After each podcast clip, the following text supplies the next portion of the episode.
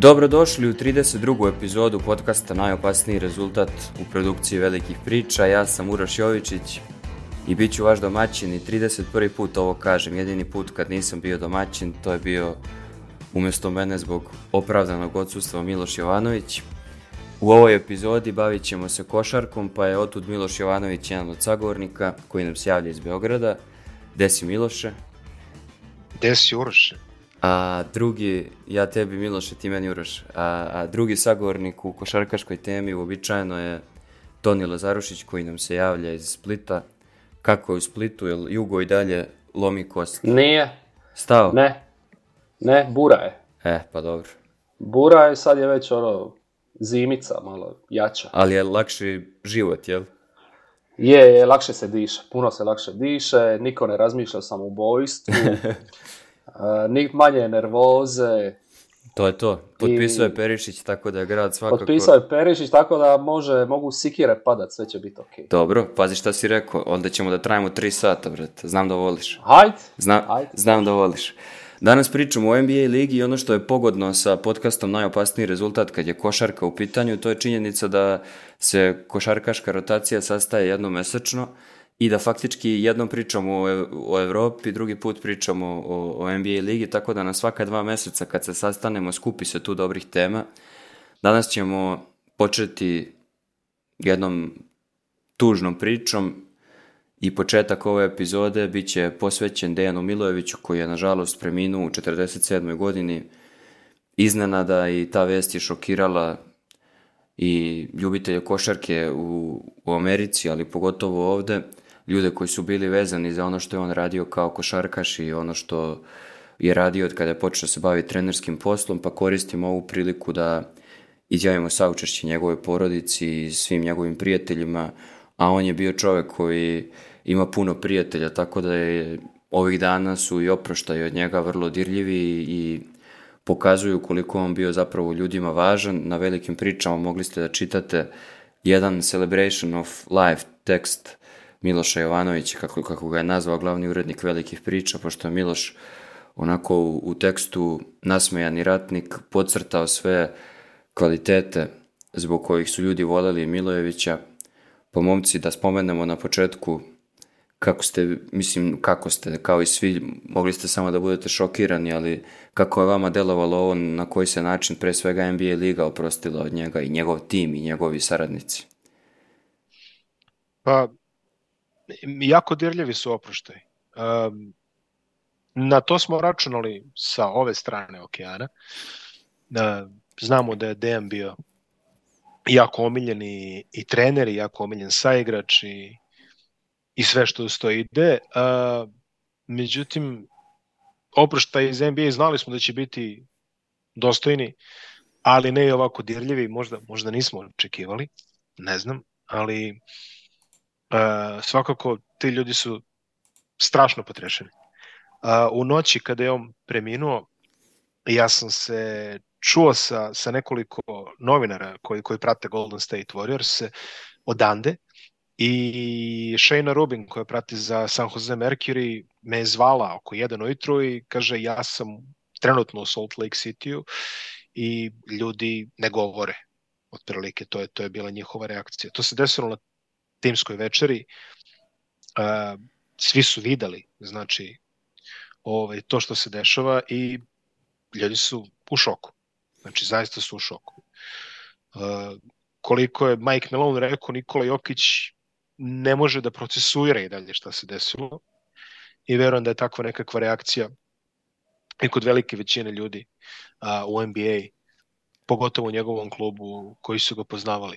Golden State je ja mislim juče ili jutros, više se i ne sećam, izbacio onaj kao tribute video na društvene mreže uh, o Milojeviću koji je stvarno dirljiv i ono što, što kažem prijatelji, nemojte da klikćete, ali ovaj, zaista le, lepo urađeno s njihove strane, vidi se da je ostavio i trenerskog i ljudskog traga u toj organizaciji, pa ne znam ništa više da kažem. Da, da. Mislim... da. Toni, jesi video ti Bogdanovu izjavu? Ona je meni bila ubedljivo najzanimljivija u smislu njegovog, njegove perspektive, kako je pričao Miloviću. Ne može tu ništa bude zanimljivo, naravno, nego samo kako je Bogdanović nakon utakmice govorio o njemu i šta je njemu bilo važno kod Milovića.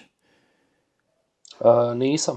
Da, on je pričao, red je da to spomenemo svakako, da njega posebno da je njega posebno dirnulo i da nikada neće zaboraviti kakvu je perspektivu prema svojoj karijeri zauzimao Milojević, da nikad nije jurio novac i da je uvijek razmišljao o tome da njegovoj porodici bude lepo i da njemu bude lepo i da je tako birao i klubove, da je kad je mogao u CSKA da je išao u Valenciju, jer je Valencija lepši grad, jer mu tamo igra prijatelj, jer će njegovoj porodici biti lepše kako to je podcrtao Bogdan više puta da je Milojević smatrao kako ljudi koji se ne osjećaju dobro, kojima nije lepo, ne mogu dobro da rade ni svoj posao, odnosno ne mogu da maksimizuju vrednost koju potencijalno mogu da, da ostvare i da kreiraju i nekako to mi je ostalo upečatljivo i možda je najbolje da ovaj kratak omaž Milojeviću tom Bogdanovom izjavom i završimo zato što to jeste nekako ono što se najviše šeruje od kad se ovo desilo ta njegova, taj njegov odnos prema životu i kako je on zapravo tumačio te stvari onako na jedan normalan ljudski način, pa vjerojatno zbog toga je bio među omiljenim saigračima i, i među omiljenim saradnicima. Videli smo i Rajakovića, Miloš je komunicirao sa nekim njegovim bivšim saigračima, ja sam imao priliku da čujem direktno kako, kako su na to reagovali neki ljudi naši reprezentativci, njegovi mentori i tako dalje, tako da još jednom da kažemo da je to velika, velika šteta i velika nepravda. I ono što mene zanima je kako će ova situacija uticati na Golden State, koliko god ljudi misle da on nije bio previše važan u toj, u toj ekipi za taj tim, ja mislim da ovakve stvari umeju da naprave neku dodatnu koheziju. Uh, ja nisam upoznao čoveka koji misli da nije bio previše važan. Ne, ali... Steve Kerr, Steve Kerr ga je svaki put ono, naravno, ali, ali znaš kakva je ovde perspektiva o ljudima našim koji odu tamo, mnogo je teško da ovde dokažeš da si tamo vredan pa iz te perspektive ne, to je tačno iz te perspektive samo da se mi okrenemo u pregledu NBA lige ovo jeste i najvažnija i najtužnija vest iz perioda od kad nismo pričali o NBA-u ali uh, da pređemo malo na pregled toga šta se dešava u ligi, ja bih krenuo nečim što je zapravo najvrelija tema, pa da se mi zagrejemo. Najvrelija tema u smislu kako ljudi nju predstavljaju, kako mediji često kreiraju neke narative, ali mislim da uopšte nije toliko vrela zapravo ni među tim ljudima kojim, u, koji su upleteni u to, ni među generalno analitičarima s druge strane okeana. E, videli ste onaj pozdrav Embida i Jokića. E, posle utakmice nedavno i i kako su jedan drugom pokazali respekt i kako su na neki način obesmislili ono što veštački pokušava da se napravi, a to je neka tenzija između njih. Ja kapiram da su oni konkurenti, ali ne, nisam primetio tu tenziju. I pošto smo prošli put i kad smo najavljivali sezonu pričali o tome ko su kandidati za MVP nagradu, šta mislite, ko su u ovom trenutku kandidati za MVP nagradu? Aj to ne kreniti. Ehm, pa po meni, po meni opet tu knjiga spadne na dva, ajde na tri. Na tri ćemo ajde na tri. Da, tri. Uh, Jokić, Embiid i meni je Shea treći. Shea, apsolutno Shea. Da, da složit ću se ja, iako sam ja stavio na početku sezone da mi je prvi pik Tatum. Dončić. Tatum, Tatum. Rekao sam... Ja sam rekao Dončić, ja? Sam ja rekao Ne, vi ste rekli Jokiću, baš sam provjeravao pre epizode, vi ste rekli Jel da? Jokić. Čudi me da, čudi me da nisam rekao ovaj. Ja sam rekao Tatum, bit će MVP finala, ok, nema veze. E, nego dokle smo stigli, Toni, šta kažeš? Njih trojica su, znači, tvoji glavni favoriti.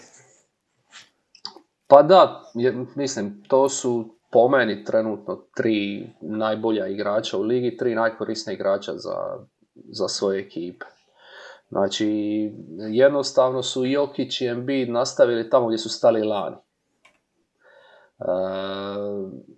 ok, Jokić, Jokić u zadnje vrijeme ima neke male amplitudice, ono, ponaša se točno na svom stilu, ma pusti brate, to nije sad to bitno, ta nagrada, MVP, to. Pa onda, znaš, ima utakmicu koju ima šutne sedam puta, ali podijeli 15 asistencija. Ono, ne ide toliko, yes. nije, nije toliko gladan, ajmo reći. A Embiid ide svaku utakmicu beskompromisno, želi biti najbolji strijelac lige, želi opet uzeti tu titulu MVP-a i vidi se da i dalje želja nekog dokazivanja i to. Ja mislim da Philadelphia še... ne, ne može da bude prva na, nije to neka preterana pamet, ali meni deluje da će teško biti prvi na kraju, iako smo tek realno na pola ili malo preko pola, ali Ne znam koliko, će, koliko to može da bude važno, pošto ne znam ni kolike su šanse Denveru. Denver je nekako, mislim da ima, da, da je već sad bli, bliža situacija ili, mislim, dugo je ostalo naravno, nego mislite da taj faktor može da bude važan kad, kad se bude odlučivalo? plasman ekipe. Pa, mo, pa može i ne mora, sjećaš se one sezone Jeste, kad je... Jeste, zato i pitam, znači ne znam na šta će da se fokusiraju ovaj put.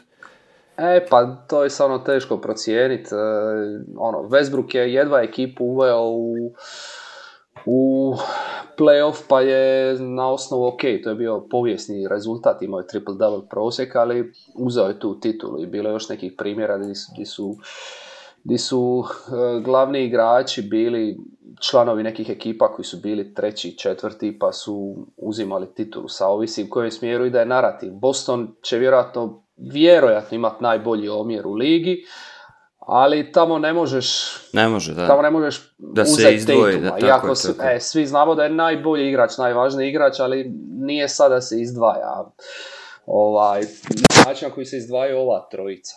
I još bih samo spomenuo Šeja koji je stvarno legitiman kandidat tu, jer ovakav iskorak Oklahoma, eto, ono, ja sam prognozirao da će biti bolji nego lani u, u najavi naše sezone, ali to nisam stvarno očekivao da će biti lako. A on je i dalje ono, stvarno ubojica što se tiče scoringa i, i načina kako u završnicama vodi tu ekipu, e, kako zna procijeniti e, ritam momčad u kojem se ekipa nalazi prepustiti nekom drugom e, da preuzme ova inicijativu poput ovoga Jelena Williamsa ili Holmgrena. Tako da skroz legitiman i on kandidat. Ja volim i, i kako igra odbranu, pogotovo u nekim važnim I to. defanzivnim da, posadima, da, kako da, vole da. da kažu. Mislim da je čak i lider, nisam siguran, pa, mislim da je lider i po ukradenim loptama. Pa evo, uopće nije imao problem sad kad su igrali protiv Clippersa, baš sam to gledao. On je preuzeo pola George. Ok, možemo sami pričati o tome da je George zabio 36, 7, 8 poena, ali fajtao se, ono, znaš. Yes. Nije sad George njega u izolacijama samo razbijao, nego bilo je tu i otvorenih šuteva i kad je Georgia netko drugi čuva, ali bez problema je preuzimao taj zadatak i Hardena čuvati i George'a, znači on nije neko koga moraš sakrivati u obrani. Da. Milo... Defenz, defanzivni posad je oksimoron, mislim, to moramo da kažemo. Ne, namerno sam naglasio kako ljudi vo, vole da kažu, ali svakako je, i tebi se sviđa kako še igra i, i ako se sećam dobro, bukvalno pre prošle priče o NBA ligi, dan ranije smo pustili Tonijev tekst o, o Oklahoma, ili tako veš? Tako da, dva meseca kasnije, oni su i dalje relevantni i nis, nis, nije to bilo neki, neka početna euforija, nego nego su nastavili u kontinuitetu. Šta se Miloše tebi sviđa kod njih i konkretno kod Šeja? Kod Šeja mi se najviše sviđa što mi je u fantasy ekipi. Mislim, to neću da krijem. Ove, ovaj, sudbine takvih ljudi najviše pratim. Tako da ovo, ovaj, sad, sada, me, sada me pitaš ove ovaj, nešto detaljnije o Tatumu, ne bi mogao toliko da ti kažem, ali e, pa vidi, e, meni se sviđa što su oni jako brzo, ja mislim da je to do ovog, e, kako smo ga ja jedan zvali, hokejaškog trenera, pročitaš mu tamo ime, ono, Mark, ne znam, ono, kako se čita, Toni? Ti, ti isto bolje. Uh, Degenol. Degno, e, a znaš, ja čitam ono Mark Degno, ono po francuskom i ono kao, hm, Mark Degno iz Quebeca, ovaj, uh, igrao levo krilo u Montrealu otprilike. Ovaj, znaš, ta, tako mi je neki on utisak bio kad sam prvi put čuo za njega. To je iz Quebeca, ako ćemo već preciznije kad se već razmećemo izgovorima. Međutim, dosta, dosta brzo su dosegli neki nivo zrelosti koji je impozantan. E sad, jako dobar skor, 28-13, trenutno ostaje samo da se vidi da li je to prava timska zrelost ili je to ona papirna zrelost koju su prošle godine pokazali Kingsi u krajnjoj liniji tako što su se istutnjali do, do drugog, trećeg mesta na zapadu, šta već. Ali puno mladih igrača, puno interesantnih igrača. Shea Gilrus Alexander igra ozbiljnu košarku. Čovjek ima prosek od šta, 31 poen i šta sam jutro čitao, šut mu je 55%. Šut iz igre, što je zaista za beka jedan prilično jeziv procenat. Sve ostalo radi dolazi na liniju i to dolazi na liniju na neki organski način, tako da kažem. Znaš, puno, puno, puno ljudi su u prošlosti zamerali kako Harden i Trae Young, na primjer, dolaze na, na penal sa, sa nekim ono krađom, što se kaže, ovaj, Uh, sudijskih pištaljki kod Šeja mi to deluje mnogo legitimnije ja mislim da mu nisu, ja mislim da, da ima nešto 8,5 ili 8 u proseku osam i po ima, penala, da, to, ima 8, to nije... 8, skoro, skoro 9, skoro 9. Ali, ali to nije ove, ovaj, preterano, je, mislim, kako su oni imali u nekim sezonama... Ne, ne, ne, pa šta imamo Harden, on ne znam, 15 prilike u nekom momentu, ali dobro, promenilo se i pravilo među vremenu. Ali re, visoka realizacija sa penala je inače e, velika i dobra odlika e, Oklahoma, koja je inače prva u ligi po izvođenju penala, njihov eh, procenat je 84%, što je opet eh, što je, što je jako dobro. Njihovih prvih eh, najgori, najgori penalđi u prvih 10 strelaca im je Chad Holmgren koji je na 79%, što je opet jako respektabilno za, za visokog igrača.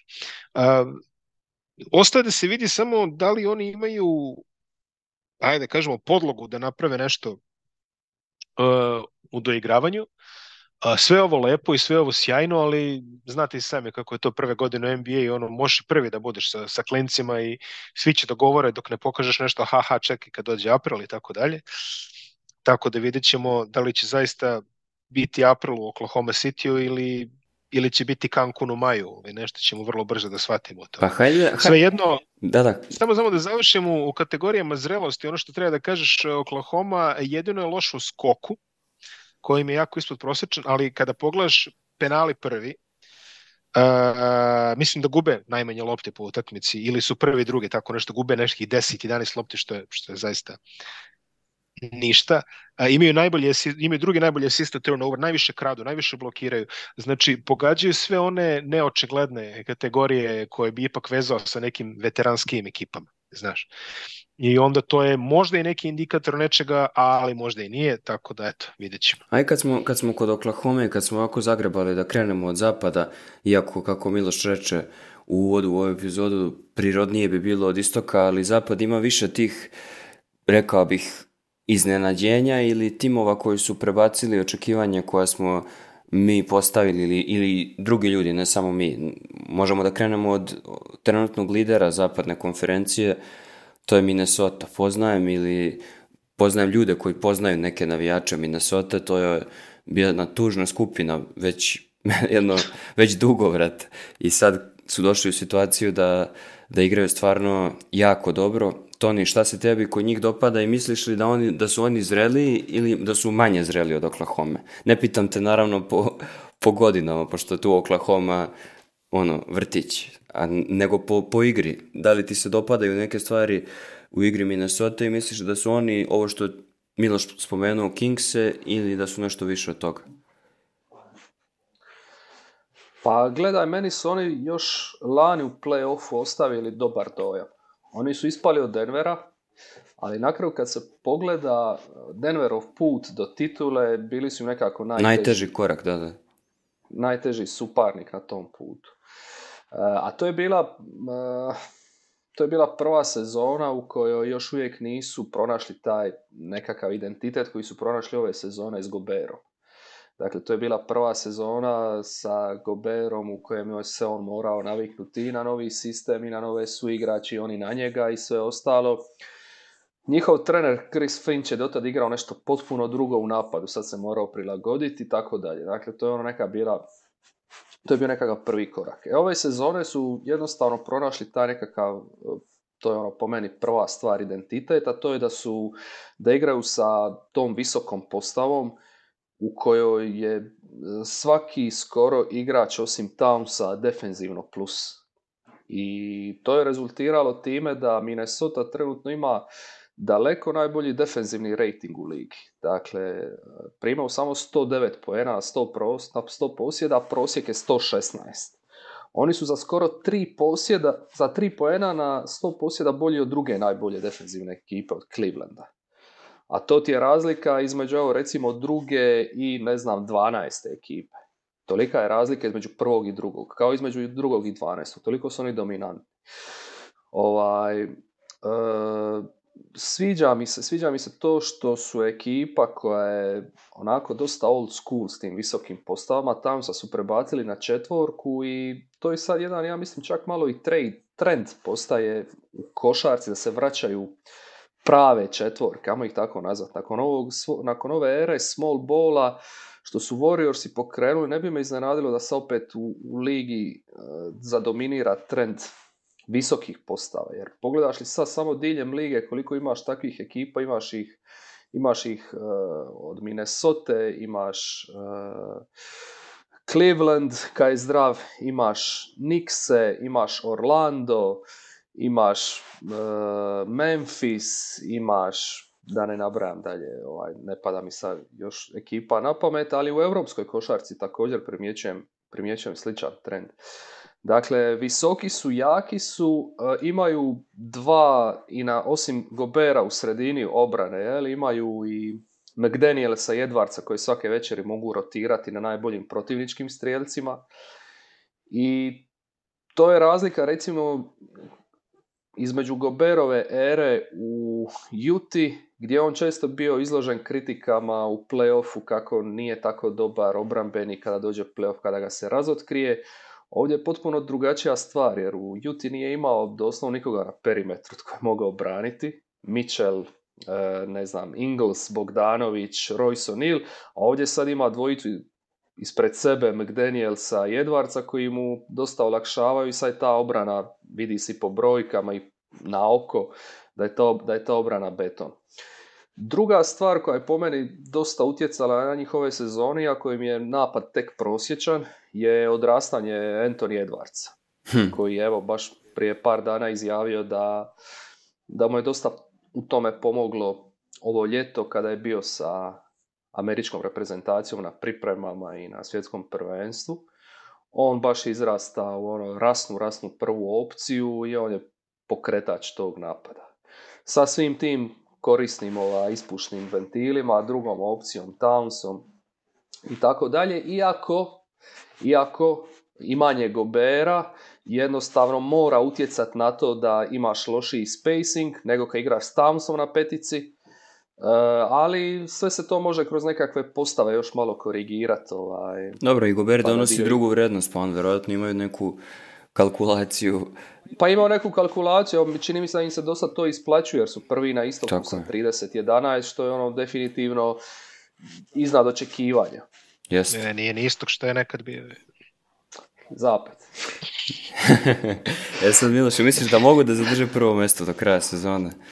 Ili mislim, mislim da mogu. Misliš da će, da. Ja, e, s, tim, s tim što ja bi, ovaj, ja bi radio jednu korekciju ovde, ovaj, i već duže vreme posmatram Carl Antonija Townsa i mislim da se on onako ovaj, ukiselio malo u Minnesota.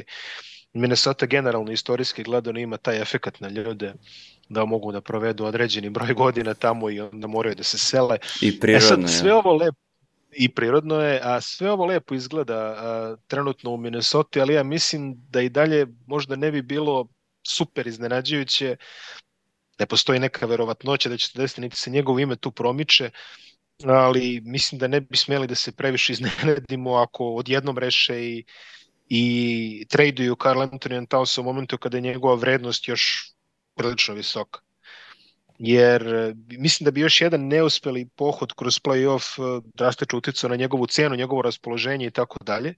Tako da ko zna ako gledaju malo da. napred. Šta bi mogli da dobiju za njega, a da, a da još uvek mogu još uvek mogu dobiju nešto pristojno za njega. E sad šta bi ni, više ne, pristojno. Više nego e pristojno, šta... ali koliko je to upotrebljivo potencijalno u ovoj sezoni ili To je to je nešto što što oni možda mogu da ovaj odvagaju, što se kaže njihov. Pa, bolje nego nas trojica sigurno. Sektor. Bolje nego nas trojica sigurno, mada opet uzavši obzir da je David Kahn vodio Minnesota tako kako je vodio, mislim da nas trojica nismo najnekompetentniji koji pričaju Minnesota u društvu tih, ne, tih nekoliko imena koji se time bave. Definitivno mislim da mogu da izdrže. Zapad jeste malo tesniji tamo gore, za razliku od istoka gde Milwaukee, ovi, izvinja se, Boston ostvario već neku određenu prednost. Mislim da imaju da li jedno Tri, pet je. ili pa je 3,5, 4, tako nešto. Boston ima 32 pobjede, Milwaukee ima 27, 28, tako nešto. Tako da mislim da su trenutno 3,5 ili 4, otprilike to je, ajde, nije ni to neka prednost, ali je prednost. Dok na zapadu su svi čini mi se u onu utakmicu dve. Manje više mislim da je 5-6 mm, pobeda od prvog do šestog. Aj kad smo krenuli niz tabelu, da tebe da pitam za New Orleans, meni su i oni iskreno iznenađenje Ne mogu da kažem, ne mogu da, kažem da su mu iznenađenja na nivou Minnesota, ali ja od njih nikad ništa onako timski ne očekujem i nerviraju me ekstremno i onda, i onda znaš kao nisam uopšte njih uzimao u neke kalkulacije pre početka sezone, međutim ne igraju loše uopšte. Pa vidi, uh, New Orleans je okružen dramom. Drama, drama postoji u New Orleansu od kako je New Orleans došao u New Orleans. Oni su bili na ivici gašenja, oni su bili na ivici selitbe, a onda je generalni menadžer uzeo Anthony Davisa pod ruku i vodio ga po New Orleansu, po onim ono, blok partijima otprilike, pa su prodavali sezonske karte, pakete, razumeš tako. Ovaj, generalno, puno puta su morali da vade... Zvuči kao velike priče. Pa zvuči kao velika reč, da. Ali puno, put, puno puta su oni morali da vade situaciju u toj franšizi i iz nečega što je izgledalo kao je vidi još ova godina i katanac, znaš. Uh, mislim ne katanac, nego preseljenje, očigledno u njihovom slučaju. Um, njihove sudbine je usko vezane za sudbinu Zajana Williamsona koji ove sezone u koliko 43 meča je odigrao 35. To je za njega ono ko da je odigrao sve utakmice sveta. Uh, otprilike. Tako da Zion za sada igra solidno, drame nekakve je prevazišao, I dalje je tu puno znakova pitanja i dalje svako leto poče sa time, dobro ovo leto je počelo malo interesantnije nego obično što se zajedno tiče, ali sad da ne idemo u te teme. Ali generalno ovaj, sve se svodi na to da se javi uh, bivši trener, bivši saigrač, bivši ovaj, bivši onaj, sadašnji trener, kum, brat, stric, ujak, ujakov brat i tako, ne znam, nije dalje, koji kažu možda bi mogao manje da jede, možda bi mogao manje ovo, možda bi, a, a vidi, u New Orleansu su vrlo pipavi, znaš, jer ovaj, kao što sam ti rekao, kod njih je dovoljno da se desi tako neki strmoglav mali, i narod koji je onako više fokusiran na Saintse, otprilike tamo i na LSU i otko znam koje su sve atrakcije sportske u, u toj državi, može vrlo lako da izgubi poverenje u franšizu. I samim tim on gleda Zajana da bude zdrav, da bude razumno atraktivan, njegovi minut čeka 30 minuta po utakmici, to se očekuje, znači on će valjda još 5 godina otprilike mora da se dokazuje da može da izdrži tempo regularne NBA sezone, ali iza toga oni imaju Ingrama, imaju CJ McCollum koji onako ono u klasičnom CJ McCollum stilu tiho isporučuje svojih 20 dvadesetak, Valančiunas eh, igra jako dobro već neko vreme, kontinuitet. Imali su problem sa a, eh, Treo Marfijem trećim koji je propustio prvih, čini mi se, 10-20 utakmica sezone, pa se sad vratio, pa je opet nešto malo povređen, malo ovakav, malo onakav. Jordan Hawkins igra dobru ulogu e, trenutno takođe. Ja ne znam, mislim, ceo taj e, play-in e, scenario tamo oko petog do osmog, petog do desetog, izvinjam se, mesta na zapadu može se obrne na, gla, na glavačke u roku od nedelju dana, ali mislim da je New Orleans trenutno, slažem se s tobom, prijatno iznenađenje. Definitivno na pola sezone da, da si očekivao da oni stoje tu negde iz, ispred e, E, Phoenixa ili ovaj, e, e, ne znam, Lakersa i, i Sacramento u krajnjoj liniji, pa i Dallasa, mislim da nismo očekivali. Ali ako, ako pogledam prvih šest na zapadu, mislim da je njihova pozicija najteže odbranjiva. Da, e sad ću da pitam Tonija za drugu ekipu koja je takođe za mene prebacila očekivanja i to ne zbog toga što nema kvalitet, nego zbog toga što se nekako od, od onog one playoff serije sa Denverom nekako sve krenulo nizbrdo i malo po malo su postajali sve manje relevantni u očima nas koji nismo tamo svaki dan ili nismo na tom nivou praćenja da, da nam upadnu u oko kao neko ko može da bude opasan takmac, ako ne u regularnoj sezoni, onda sigurno ne u play-offu. A pričamo o Clippersima koji e, igraju isto preko mojih očekivanja koja nisu nešto mnogo bitna, ali iz te perspektive postavljam pitanje Toni, šta misliš da su ključni razlozi što su oni, oni deluju nekako mnogo kompaktnije nego u prethodne koliko, dve sezone, makar meni. E, da, to je na početku, e, kad su tradali za Hardena, da. izgledalo ružno. Da, da, zato i kažem. I bilo onako, dosta pocijenjivanja i, i, i ruganja jer stvarno su izgledali komično i nisu mogli dobiti utakmicu. Ali malo pomalo ja stvarno cijenim Taja Lua ko, kao trenera ovaj, su uspjeli uh, se vratiti na, na pravi put i pronaći nekakav smisao u svojoj igri. Prva najvažnija stvar je bila to što je Westbrook, svaka mu čast na tome, divljak kakav god je, ali ako je stvarno istina ono što se spo- govori da je on odlučio ovaj, da preseli na klupu za dobrobit ekipe svaka mu čast za to i prepustio je mjesto startera Terensu Menu to je ono bio po meni ključni potez u, u, u, u tome da oni stanu na noge e, druga stvar je bila pronaći kemiju između takva tri potrošača kao što su Harden, Eh, Lenard i George. To nikad nije lako, znam uvijek onu priču da, da postoji samo jedna lopta i uvijek je zanimljivo pratiti tu dinamiku, kako će, kako će biti raspodijeljeni posjedi. Eh, evo, baš, baš sam gledao, ovaj, jer sam i planirao možda u dogledno vrijeme napisati nekakav tekst o tome, pa, pa sam se malo interesirao za te neke njihove brojke. E, socijalistička je raspodjela potrošnje tamo, stvarno je Znači, George i Lenard su prvi potrošači lopte, jedan troši 27% posjeda, drugi 26% kad su na parketu. Ali Westbrook i Harden nisu daleko. Westbrook troši 24%, Harden 20%.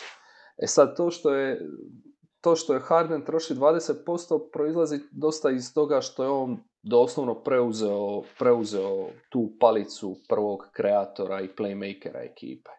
Dakle, on je zaslužan za 33% svih asistiranih poena ove Clippersa i on se pomaknuo također u stranu.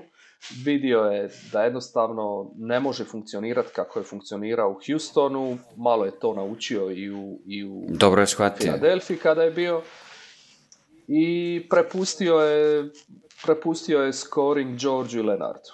S tim da George Također je napravio nekakav kompromis, puno više igra bez lopte, e, koristi blokove da, da, da, da dođe do poena.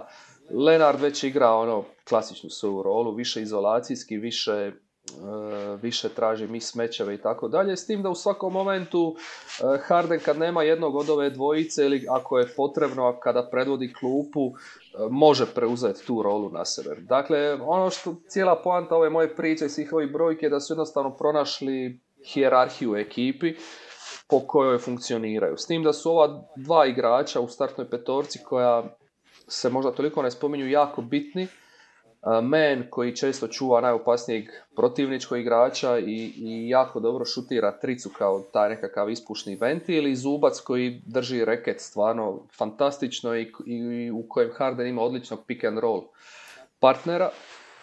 E, tako da... E, znaš kako, e, na ovo, što, ovo što je Miloš rekao, tu bih se ubacio jer, jer to je i moj utisak, ovo sve što si ispričao, to mi sve zvuči kao ekipa koja ima zrelost koju je on spominjao kad je pričao o Oklahoma i ima hijerarhiju koja je potrebna i za playoff, tako da oni ako ostanu u ovom stanju, ja mislim da će oni biti vrlo nezgodni kad bude došao. To, kad bude to jeste, je ali, to je, da. jeste ali, ali vidi, i to može da bude papir. Novo, pa naravno. Uh, Los Angeles Clippers su ekipa koja živi od uh, jednog velikog potencijalnog scenarija. Kawhi Leonard e, kao superstar je čovek koji je da prosti ovaj narod u poslednjih pet godina toliko ladio muda da je to neverovatno, znači možda više nego bilo ko u ligi. I, ali pazi, on, on, je, on je tu reputaciju zaslužio. On je stvarno bio monstruozan igrač u San Antonio. On je stvarno odlično odradio onaj rental u Torontu. I svi mi znamo da on može. Jeli? E, sad, on je njegov maksimum odigranih utakmica u, u Clippersima za sezonu je tipa nije prešao 60. Jednu celu sezonu je presedeo. Znamo da mu tamo dopuštaju sve. Znamo da živi u San Diego, da dolazi helikopterom na treninge, ako i dolazi na treninge, mislim. A, realno, vrlo je labavo tretman glavnih igrača u, u e, Clippersima. Brate, nije ni Savićević trenirao u Milanu, pa da, da, ono, ono zubi za retine. Bitno je šta isporuči. malo, malo, je, malo je drugačiji ovaj koncept e, svega Zna. toga. Tako je. A, pazi, a, a, pazi, pritom, a, e, Kavaj Leonard je isporučio već ono što je Savićević isporučio, ako ćemo da kažem. Znači, i te dve titule su prošle, jeli? Slažem se sa tobom. Ali... A, generalno gledano sve to, e, cela, cela fama oko Clippersa počiva na tome da će oni da se sklope kad počne ozbiljno. Uh, ja nisam veliki vernik u ekipe koje smatraju da igraju na dugme i ja mislim, to Tony Jordan of Chicago nije radio. Pa ali, Tony ali Lakers... upravo to je Tony rekao, ja mislim da su se ranije sklopili nego kad je potrebno, ako, ako, ako kao potrebno to nazivamo playoff. To ćemo da, to ćemo da vidimo. Mislim, ja, ja, ja potpuno razumem percepciju ljudi da Clippersi mogu biti opasni u play-offu i verovatno ih hoće. Ali uzevši u obzir šta smo videli od njih e, u, u prethodu, pa, pazi, ti sad opet, pa uzdaš se da će Harden nekako prenebregnuti svoj, šta je to već, 12-godišnji mandat e, ispod prosečnih performansi u play-offu i da će odjednom da se sad on je li došao u kući otkud znam. Hene, Hennessy, Hennessy striptiz barovi su jači od Hennessy striptiz volje... barovi su jači. Ne, ne, da gen, imamo to, pa imamo, imamo faktore zdravlja koji ajde za sada, bo, mislim, ok, da kucaš u drvo izgledaju dobro i na kraju imaš faktore toga da će većina ljudi izlaziti na teren i reći čekaj jebote, možda je ovo ona serija u kojoj će Kavaj da, da nas ispreput utakmica ispred Savija. Ali šta se dešava ako se ako prođe dve utakmice i ti vidiš da to nije to? Onda taj ceo oklop nestaje, u suštini cela ta aura nestaje i neko će da ih razgazi, je li? ako dođe do toga. Tako da, u dva ekstrema, mislim da možda podcenjujemo Oklahoma i ajde recimo Minnesota, a možda i precenjujemo Clippers. -e. A između se nalaze ekipe kao što je, na primjer, Denver ili ili Phoenix koji imaju, na, ajde, i, i te Phoenix je možda malo u toj Clippers sferi, jer i to je ono kao šta ako, šta ako, šta ako. Ali između se recimo nalazi Denver koji ima opipljivo šampionsko iskustvo i malo duže cirkuliše na tom nivou i na njih gledamo kao ono neku konstantu, jeli?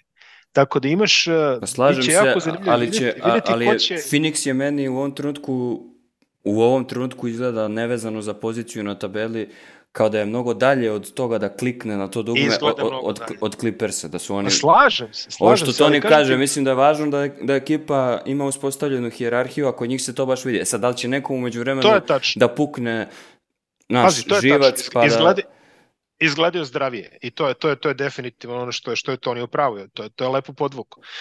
Ali opet poslednjih pet sezona ti slušaš kao ček samo, ček samo, samo što nije, samo što nije ček, ček, bit će sve ok. Znaš, znaš. znaš šta još, znaš šta još, oni i ko ekipa koja ima ono jedno stvarno teško povijesno nasljeđe, da. Moraju, Ivo je Golden State još gore, mislim, pa ono, da. E, ali, ali oni još uvijek nisu nadvladali to. A imaju istovremeno individualce koji imaju teško povijesno nasljeđe u playoffu. Jer i Harden i Westbrook, da, jer, jer im vjeruješ. A, a šta ćemo s playoff PM? Uf, uf, uf, to je, to je. A šta pa- ćemo, a šta ćemo sa Zubcem? I, i ostali ovi. Je li Zubac može igrat playoff košarku? Je pa li pa dobro, kad mu dođe... Ne znam hoće li ovaj, neku previše računati na Zubca da radi neke ekstraordinarne poslove u play-offu. Ne, ali, Dosta ovo ali, što si spomenuo. Ali u, u, u play-offu će njegove neke stvari biti razotkrivene, posebno, to, to posebno si, defenzivno. Ti moraš proći kroz Denver, je li, ako ćeš da se baviš nečime, tako da, da. to je odmah vrlo interesantan matchup, jeli? Pa dobro, ali da ti kažem, ja nisam, ne deluje meni Denver da ima onu energiju što je prirodno u, u toj post šampionskoj sezoni, ali ne deluje mi, kad, aj kad smo već njih spomenuli da pređemo na njih, ne deluje mi da su oni u stanju da igraju makar u ovom trenutku na onom nivou na kom su igrali prošle godine. Možda će to što ti kažeš, šampionsko iskustvo, to što imaju Jokića, imaju tu vrstu, taj vibe neki, možda će to da, da nadvlada, ali takođe mislim da Clippersi nisu imali Lenarda ovako rano uključenog. On dođe, iako, iako igra u, u play-offu, deluje kao da tek ulazi u sezonu kroz playoff. Sad mi deluje da se malo ranije zagreva. Ali hajde da ne budem ja neko ko, ko njima želi dobro i ko je toliko optimističan. Pa nije, a, a o tome ti pričamo. U, uš, mislim, Kawhi Leonard je već uveliko u jednoj guslarsko mitskoj teritoriji u kakvu ulaze uh, možda i neki od najvećih igrača u istoriji američkog sporta. Ja to volim da kažem da je to fenomen Breta Farva koji je igrao ono kvotrbeka tamo do svoje 46. godine i do poslednjeg starta otprilike, do poslednji put kad izašao na teren da uzme loptu ispod snepa, ti si gledao i kažeš ma kao znamo se druže, upropastit ćeš nas, samo te čekam, znaš. Znači, bukvalno, znači, on, on već ima toliko mitološku auru da kad izađe na parket i ako promaši prvih 17 šuteva, ti ćeš reći čekaj, čekaj, znaš, ono. Ček, stani, stani, stani, nije ovo još gotovo. Hvala ti za, ovo, ovaj- za ovu sekvencu iz ove epizode, jer znam za koga će ako se sretnu Denver i Clippersi u playoffu navijati. Aj sada pređemo na, na Denver. Toni, jel ti misliš da su uspeli da zadrže ono što ih je krasilo prošle godine? Ti si u onom tekstu u analizi nakon velikog finala napisao da je to otprilike da je Miami išao biciklom na tank. Misliš da je Denver i dalje tank? Ti, ti si to napisao, šta se bečiš? Ni, je, nisam pa ja. dobro, pa ne. Pa, pa gledaj, Zvuči kao nešto što bih ti ja imputirao, ali nisam. To, to, to stoji. To stoji, to u kontekstu vremena toga bilo vidljivo što i sam rezultat to potvrđuje. Dakle, to ne može nitko poreći. E sad, jesu li oni i dalje tank? Uh, jesu, ali treba će im možda još malo Uh, granata. amo, amo to tako reći. E, ne igraju na nekom optimalnom nivou, e, prvenstveno defenzivno. Tu su malo popustili, e, malo više trica primaju, imaju loše tricaške postotke nego lani, malo više na obruću primaju, tra- defenzivna tranzicija je malo loše, to je sve dovelo do, i, i dosta fauliraju, tako da tu, tu su malo izgubili nekakvu, nekakvu ovaj, oštrinu koju su imali u tom play-offu, s tim da naravno nije isključeno da kad dođe play-off da jednostavno podignu to sve na level više jer znaju kako se to, znaju kako se to radi. Dok imaju Jokiće Mare u napadu i ništa više im praktički ni ne treba. Naravno da ono, očekuje se da isporedne opcije mogu pospremi neke otvorene šuteve i to, ali za taj napad se mislim ne treba brinuti. Ono što mene od početka njihove sezone brine u play-offu je klub. Uh, Bruce Brown i Jeff Green, kakvi god jesu, da jesu, šta god o njima mislio, su bili dosta bitni lani. Jer su znali ući, napraviti nekakav, napraviti nekakav zaokret, dati nekakav impuls, mogao se iskombinirati nešto drugačije, postave s njima, trenutno mi na toj klupi nitko ne ulijeva previše povjerenja. Razumijem što donosi Christian Brown, razumijem Peytona Watsona što donosi, ali u play-offu protiv Clippersa možeš li im vjerovat za, na, na, nekih 15 minuta na parketu kao što si mogao Greenu i Brown. Ja nisam siguran u to i mislim da bi Denver mogao biti aktivan tijekom trade deadline-a. A šta će dati? Samo, e, samo ne znam koga i što?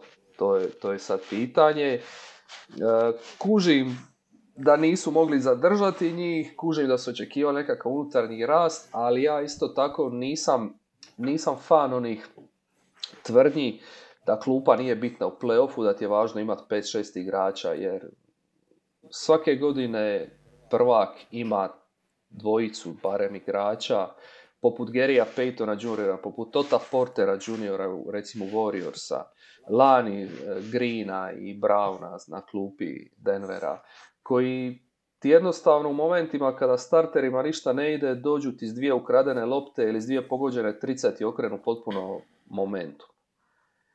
E, eh, ne znam ima li Denver to ove sezone s ovim igračima na klubu. Zato s... Za startere kaže, za startere se ne bojim. Starter, ta startna petorka i dalje gazi, to je sve u redu. Ali čim krenu rotacije, tu se osjeti da krene pad u igri, čak i s Jokićem na parketu. Dobro, Miloše, jas, pošto što je Toni ispričao, upravo onaj skepticizam koji ja gajim, nekako ga je samo podvukao lepo, boldovao, e, kaži mi kako tebi izgledaju Jel se slažeš sa Tonijem i ono što mene zanima da, mor, da, da. da morate vas dvojica sad da nekog, nekog da date, koga biste dali?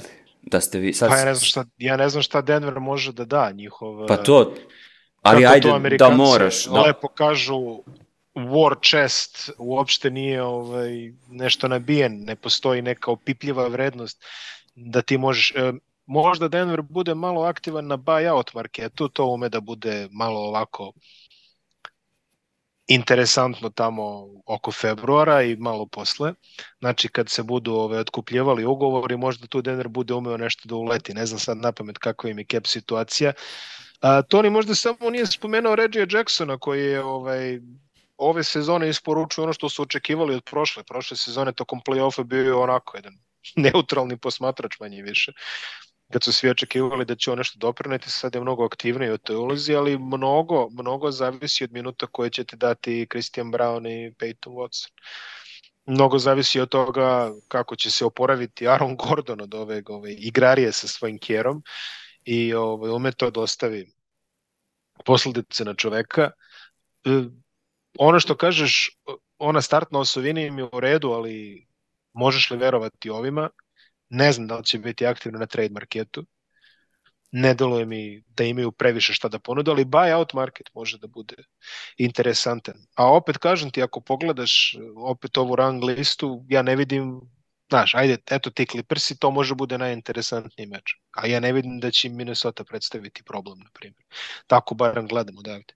E sad, hoću da naglasim samo da nećemo danas pričati uopšte o Dallasu, pošto u komentarima se pojavljuje neki bata koji proziva voditelja ovog podcasta što u svakom podcastu spomene Liverpool. Ja bi ga druže, ovo je podcast je, kada se priča o futbolu, vrlo često se priča o Premier Ligi, najbolje da ne spomenemo lidera na tabeli. Dakle, spomenuo sam Liverpool i u košarkaškom podcastu, nadam se da uživaš. Drugo, uh, da ne bude da baš toliko... Prenio si ovo na lični nivo. Tako je, pa on je, preneo, on je brat preneo odavno. A, a, da, da ne bude da stalno pričamo o timovima, ljudima za koje ja navijam, danas ćemo kategorički da preskočimo Dallas i Luku Dončića Eh, ali jedan spoiler da vam dam, to nije dobio zadatak da pišu o njima, tako da ćete svakako čitati na velikim pričama Ve, o tom. Veži, veži konja tamo di gazda. Tako kažem, je. Doslovno. E, pitanje za vas... Apsolutno, da. Poslednje pitanje za vas dvojicu kad je zapad u pitanju. Šta mislite ko će e, od timova koji su trenutno u top 10 i na, e, za čiji račun da ispadne iz opcije da igra play-in uopšte? Ajde, jedan tim da, mm. da probamo, sva trojica. Jut. Toni? Mislim, volao bi Lakers, ili bit će Jut. Ako neko bude. Misliš da će neko...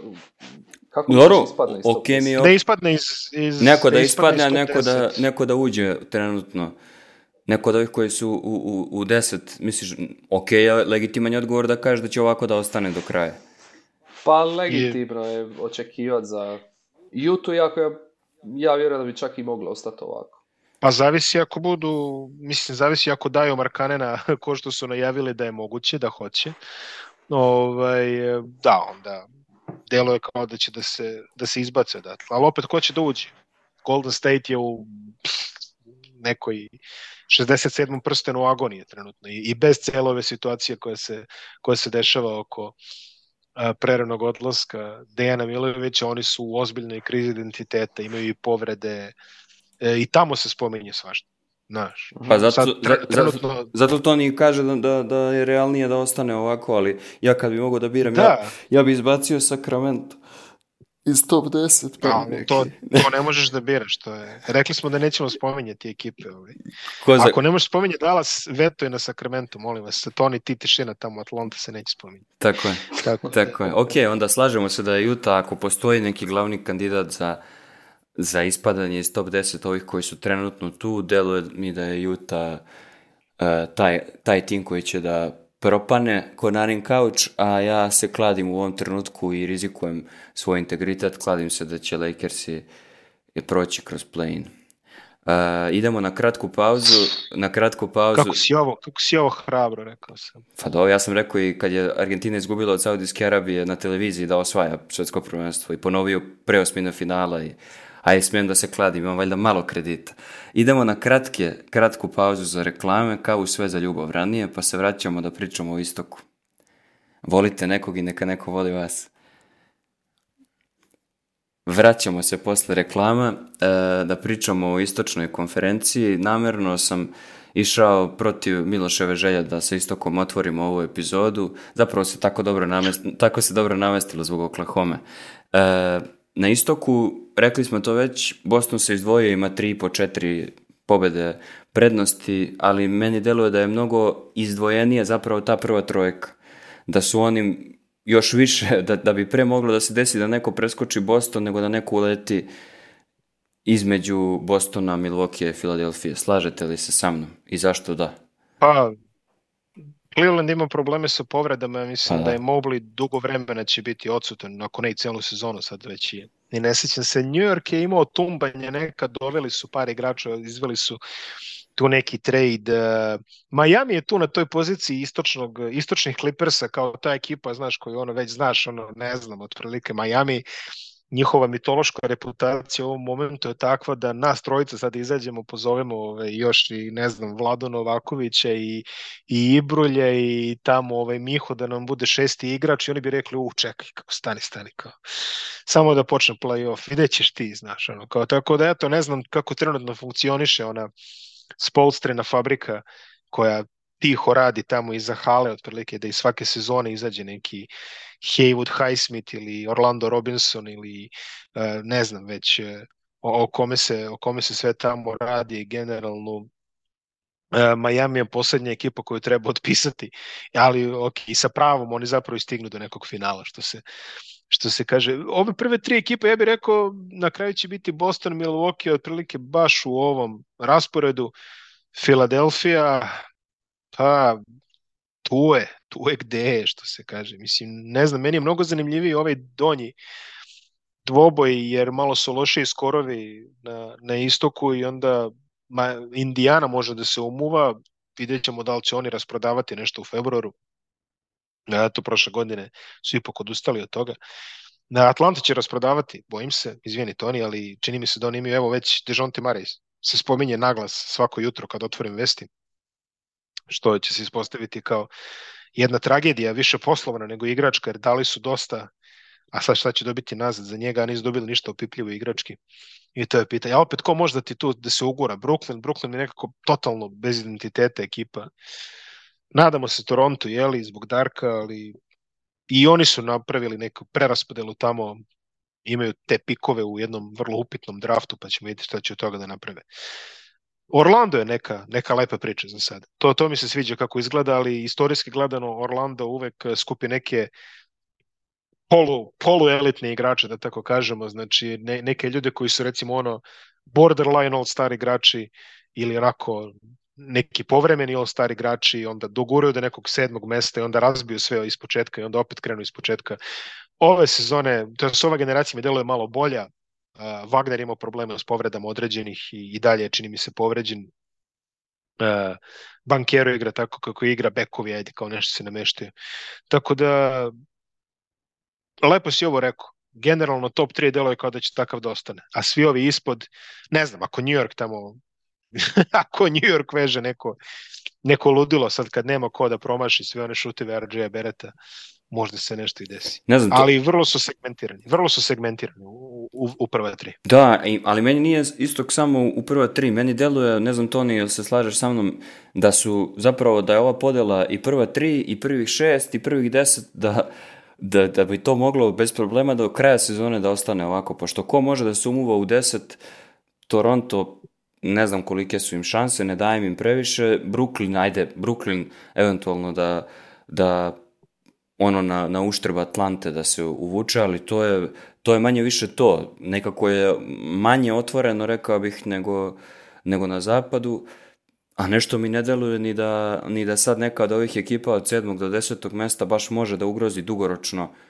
e, u drugoj polovini sezone ovih prvih šest. Tako da nekako istok fino određen u tom smislu. Kako tebi izgleda? Pa imaš, pa je, imaš doslovno ta tri razreda. Pa da, bukvalno. Milwaukee, Filadelfija, pa onda imaš od, od Clevelanda četvrtog, tamo negdje do... Pa ja bih čak Indiana, ja. Indijane, možda Orlando, iako Orlando se isto su ih nešto napale, ozljede su eh, ono, sigurne play ili play-in ekipe. I onda imaš ovo, ove za koje ne znaš što bi s njima.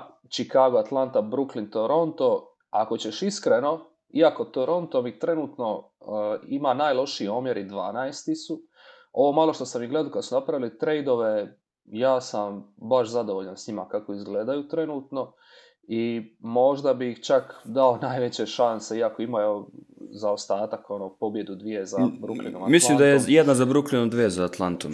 Nešto je blizu. E, da, e, dao bi nekako najveće šanse da se ubace u taj, u taj plane Jer gledaj, Brooklyn, ono, ha, što je Miloš rekao, nema nikakav identitet, meni stvarno bezvezna ekipa, uopće ih ne volim gledat i kad god mogu, osim ako ne igru po nekog zanimljivog meni, zaobiđem ih. Atlanta je krš, evo sad su dobili dvije u završnici, ni sami ne znaju kako. Mare je pogodio eh, buzzer beater protiv Orlanda, sinovi su bez Treja Younga dobili Miami, što također nešto je zanimljivo govori o tome da ekipa pobjeđuje bez Treja Younga i da Mara i pogađa te buzzer bitere, a dobro to je neka druga priča.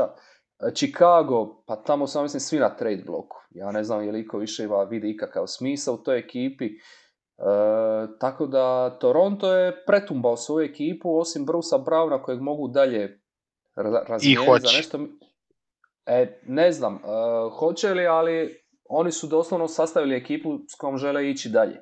Dok Brooklyn, Atlanta i Chicago još uvijek ne znaju što bi sa svojim ekipama, ništa još nisu napravili. Ja, e, to kad da kažeš za Chicago, znaš šta mi to liči? Uzmeš neki tim, ono kao ja što na menadžeru počinjem uvijek sezonu od kad sam počeo da ga igram u seriji B.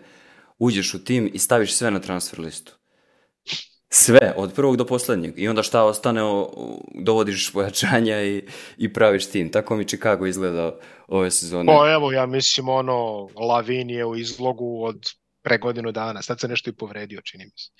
Ali, o, ne, ne znam, i Chicago ima neki vrlo labav identitet. Znaš, to, da, to mi je... E sad, hoću da vas pitam jednu, jednu stvar pre nego što se prebacimo na prva tri, jer mislim da njima vredi najviše pažnje posvetiti i eventualno uh, malo pročavrljati o njihovim playoff šansama i tome da li su spremni rano još uvek, ali na kom su putu, jel? E, a to je pitanje koje se često nameće u srpskim medijima, da li pogrešno ili ne, hajde da vidimo, da li bi Bogdan Bogdanović ikako mogao da bude šesti igrač e, sezone? Pa što ne bi, mislim, ne razumem. Prvo pitam. Pa mogao bi. Da. Pitam, da. brate. Mogao bi, samo ima, ima baš ozbiljnih konkurenata tu.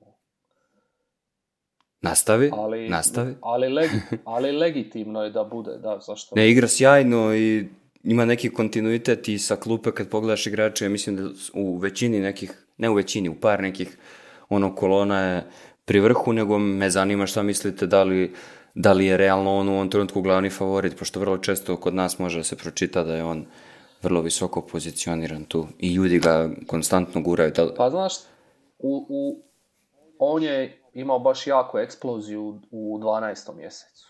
Mislim da je zabio tako 20 poena. Jeste u proseku. E, uz neke stvarno d, e, dobre ono all-around brojke i što se tiče skokova, asista, imao je neku utakmice koje je sam dobio. Ok, Atlanta ta nije dobila puno utakmica, ali ovo što je, što je dobivala, često je dobivala na njegov pogon. Međutim, A evo, baš ću otvoriti sad ono, pošto eto, sam osuđen na to da navijam za Atlantu, baš pratim malo situaciju u prvom mjesecu, imao je nekakvu ozljedu, zaboravio sam čega, nakon toga, nakon što se vratio, to više nije toliko sigurno kao što je bilo u njegovoj igri. Izgubio je malo šuterski ritam. Evo, evo baš gledam, trica mu je pala na 32%, šut iz igre na 36% i zabija 14 poena po utakmici, a u prvom mjesecu devet utakmica što je odigrao, a u 12. mjesecu je zabio 20. Dakle, on je sad već tu malo po tonu, ali kada se gleda a po, i pod uvjetom da se vrati tamo gdje je bio kroz cijelu sezonu, da zadrži nekakvu dobru konstantu, legitimno je da bude šesti igrač E, godine. Da, zašto ne? Jer znamo ko dobiva te nagrade. Dobivaju ih oni koji zabijaju, eto, 18, 19, yes. 20 pojena. Yes. Kada uđu s klupe, neće ga niko osvojiti neki gudala, amo reći, ili neko tako koji ulazi s klupe, a obrambeni je igrač. Čisto da kažemo da se trenutno kotira u prvih pet, za one koje to zanima, Austin Reeves je konsenzusni favorit i najverovatnije će on biti ako se ako je do, do glasača je li spomenju se još Cole Anthony iz iz Orlanda Tim Hardaway Jr iz iz Dallasa i Malik Monk iz Sacramento zaokružuju taj top 5 a sve posle e sad jedino da obratimo pažnju mislim sad ne znam Quickly kakva će rola biti u on Toronto da li on on je ipak više sad starter tako da, da, da, da. Quickly je definitivno ispao možda Maturin može da se umešao to je teško tako da e, mislim da ovih prvih pet. Da naglasimo ljudima koji su ispratili one Bogdanove, ako ništa Bogdanove highlightse, pogotovo u decembru, da naglasimo da na velikim pričama i dalje stoji dobro stari e, Tonijev tekst da Bogdan nema nijedan razlog da loše ostari u, u NBA ligi, tako da sve što gledamo ove sezone raduje valjda sve nas koji smo ga gledali u reprezentaciji tokom leta jer imao je malo onako neprijatnu i povredu i celu sezonu i dobra je stvar što se vratio pa igra u kontinuitetu. Ok, jeste pad sa 20 na 14 pojena u proseku, ali svakako je tu ono što je njemu bitno i kao čoveku koji voli da igra, igra i našao je svoju ulogu, makar sa klupe. E sad da se posvetimo ovoj, ovoj, ovom trojcu na čelu tabele na istoku, mislite li da Embiid, ovo što je Toni na početku rekao, on ide pun gas svaku utakmicu. Mislite da ima osoblje za to da osvoji istok? Mm. Pa, ne mogu samo laka pitanja da se, da postavljam. Nije, nije se nešto pokazao previše on kao dobar oslonac uh, u nekim playoff lovovima do sada. Dakle. Uh, koja, koja je to njegova trenutna osovina? Uh, on ima Tyriza Maxija koji je stvarno procvetao u toj ulozi kao, kao drugi nosilac, ali Tyrese Maxi već sad je, se, mislim, malo mi je, malo mi je mnogo plitka rotacija Filadelfije.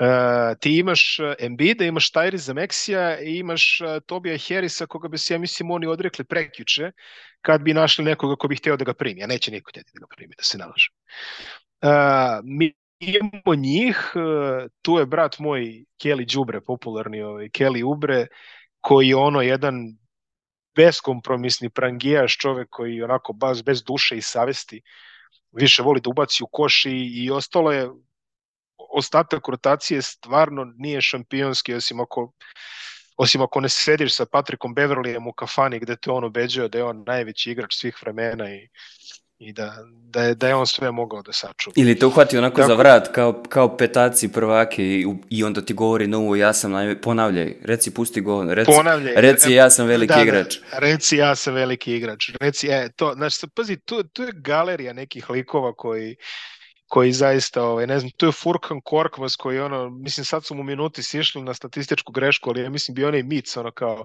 da je valjda čovjek svake sezone podneo trade zahtev i da nijednom nije ovaj, izdejstvovan. Mislim, tu je Melton, tu je Marcus Morris, Nick Batum ili ono što je ostalo od njega barem. A, zaista ne mogu da kažem, ne, Embiid će morati da igra na nekom nadljudskom, nekom terminatorskom kiborg nivou da bi ali ono, uopšte... ali on to nije radio nikada imao pa nije radio nikada bolje osobe. nije radio nikada ne mislim ne sad da, da li on znaš, ti, si, ti si rekao, ovaj, kad si pričao o onoj MVP trci, ti si rekao Embiid i Jokić su, ono, što kaže, sahranili taj argument o animozitetu, ja nikad nisam osjećao da je Embiid imao animozitet eh, prema Jokiću, ja, ja samo osjećam da je Embiid ima neki univerzalni animozitet prema svakome ko ne smatra da je on car, kralj, šampion, skoku u dalji, sve to što ide i onda, ovaj, znaš, svak, svako zrno sumnje koje se uputi eh, spram Embiid, da on će dočekivati na, na vole i tipa, pa dobro, šta još hoćete da uradim, evo dao sam 74 poena kadetima Minnesota, zar vam to nije dovoljno i, i znaš, tako neki ono... E sad, ma,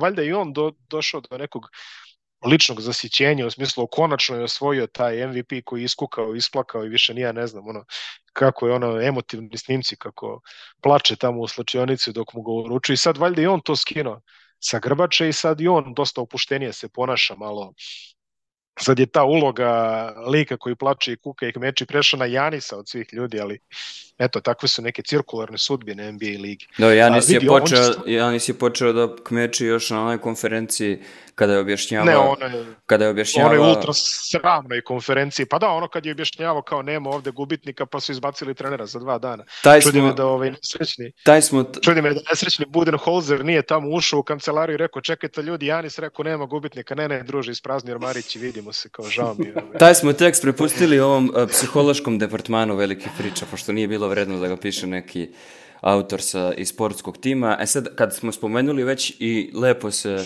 ismijali, ismijali u lice Filadelfiji zbog toga što nemaju sastav, strukturu, nemaju ništa što bi mogli da nazovemo šampionskim.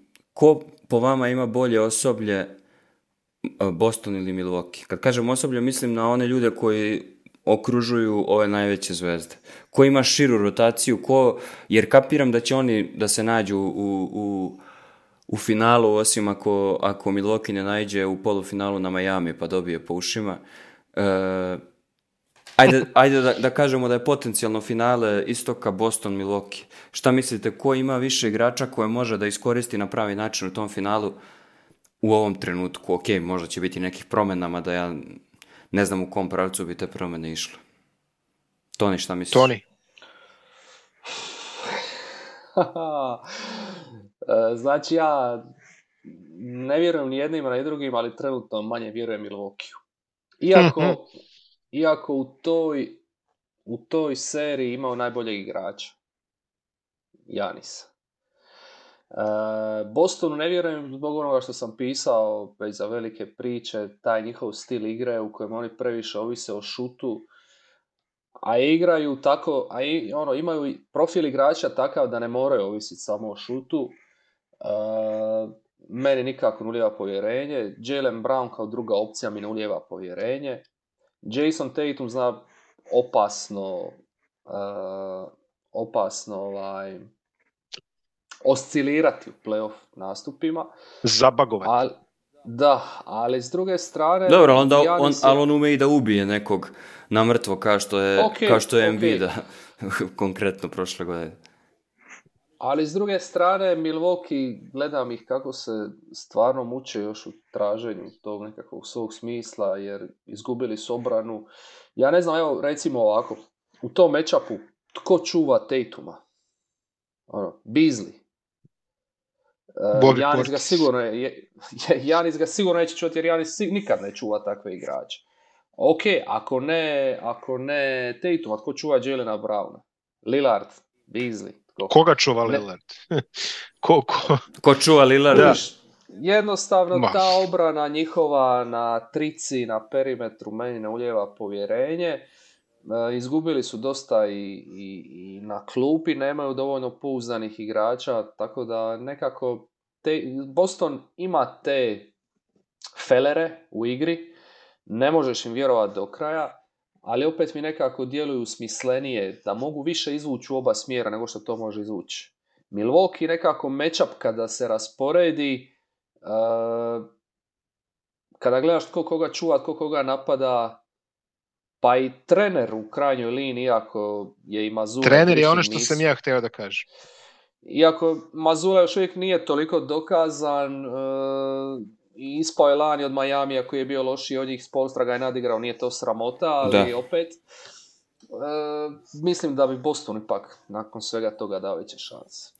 Mazula je Vidi, imaš, tvorac, imaš taj, izvini, imaš Mazula je tvo, tvorac najboljeg odgovora u posljednjih pet godina na konferencijama za štampu, kad su ga pitali za kraljevsku porodicu. Ste videli? On kaže, šta, do, došli su Jesus, Marija i Jozef. Kaže on, ne, kraljevska porodica, nemam pojma ko su oni. Next question. znači... Next, next question. Taj vrat... ne, mislim, po, po, meni je najbolji odgovor na preskonferencijama izvijenio u poslednjih pet sezona kad je kad se Šakoti predočili da on je Amerikanac nije igrao za, za zvezdu zadnjih koliko godinu dana on kaže nama nisu rekli to. Osnovno nisu, nismo ostali obavili. Sad se već i ne sjećam. Ove, ovaj, to ta pred COVID je tamo bilo. A, ne, a, e, vidi, trenerski duel, to je ko, ko će tu napraviti manje grešaka?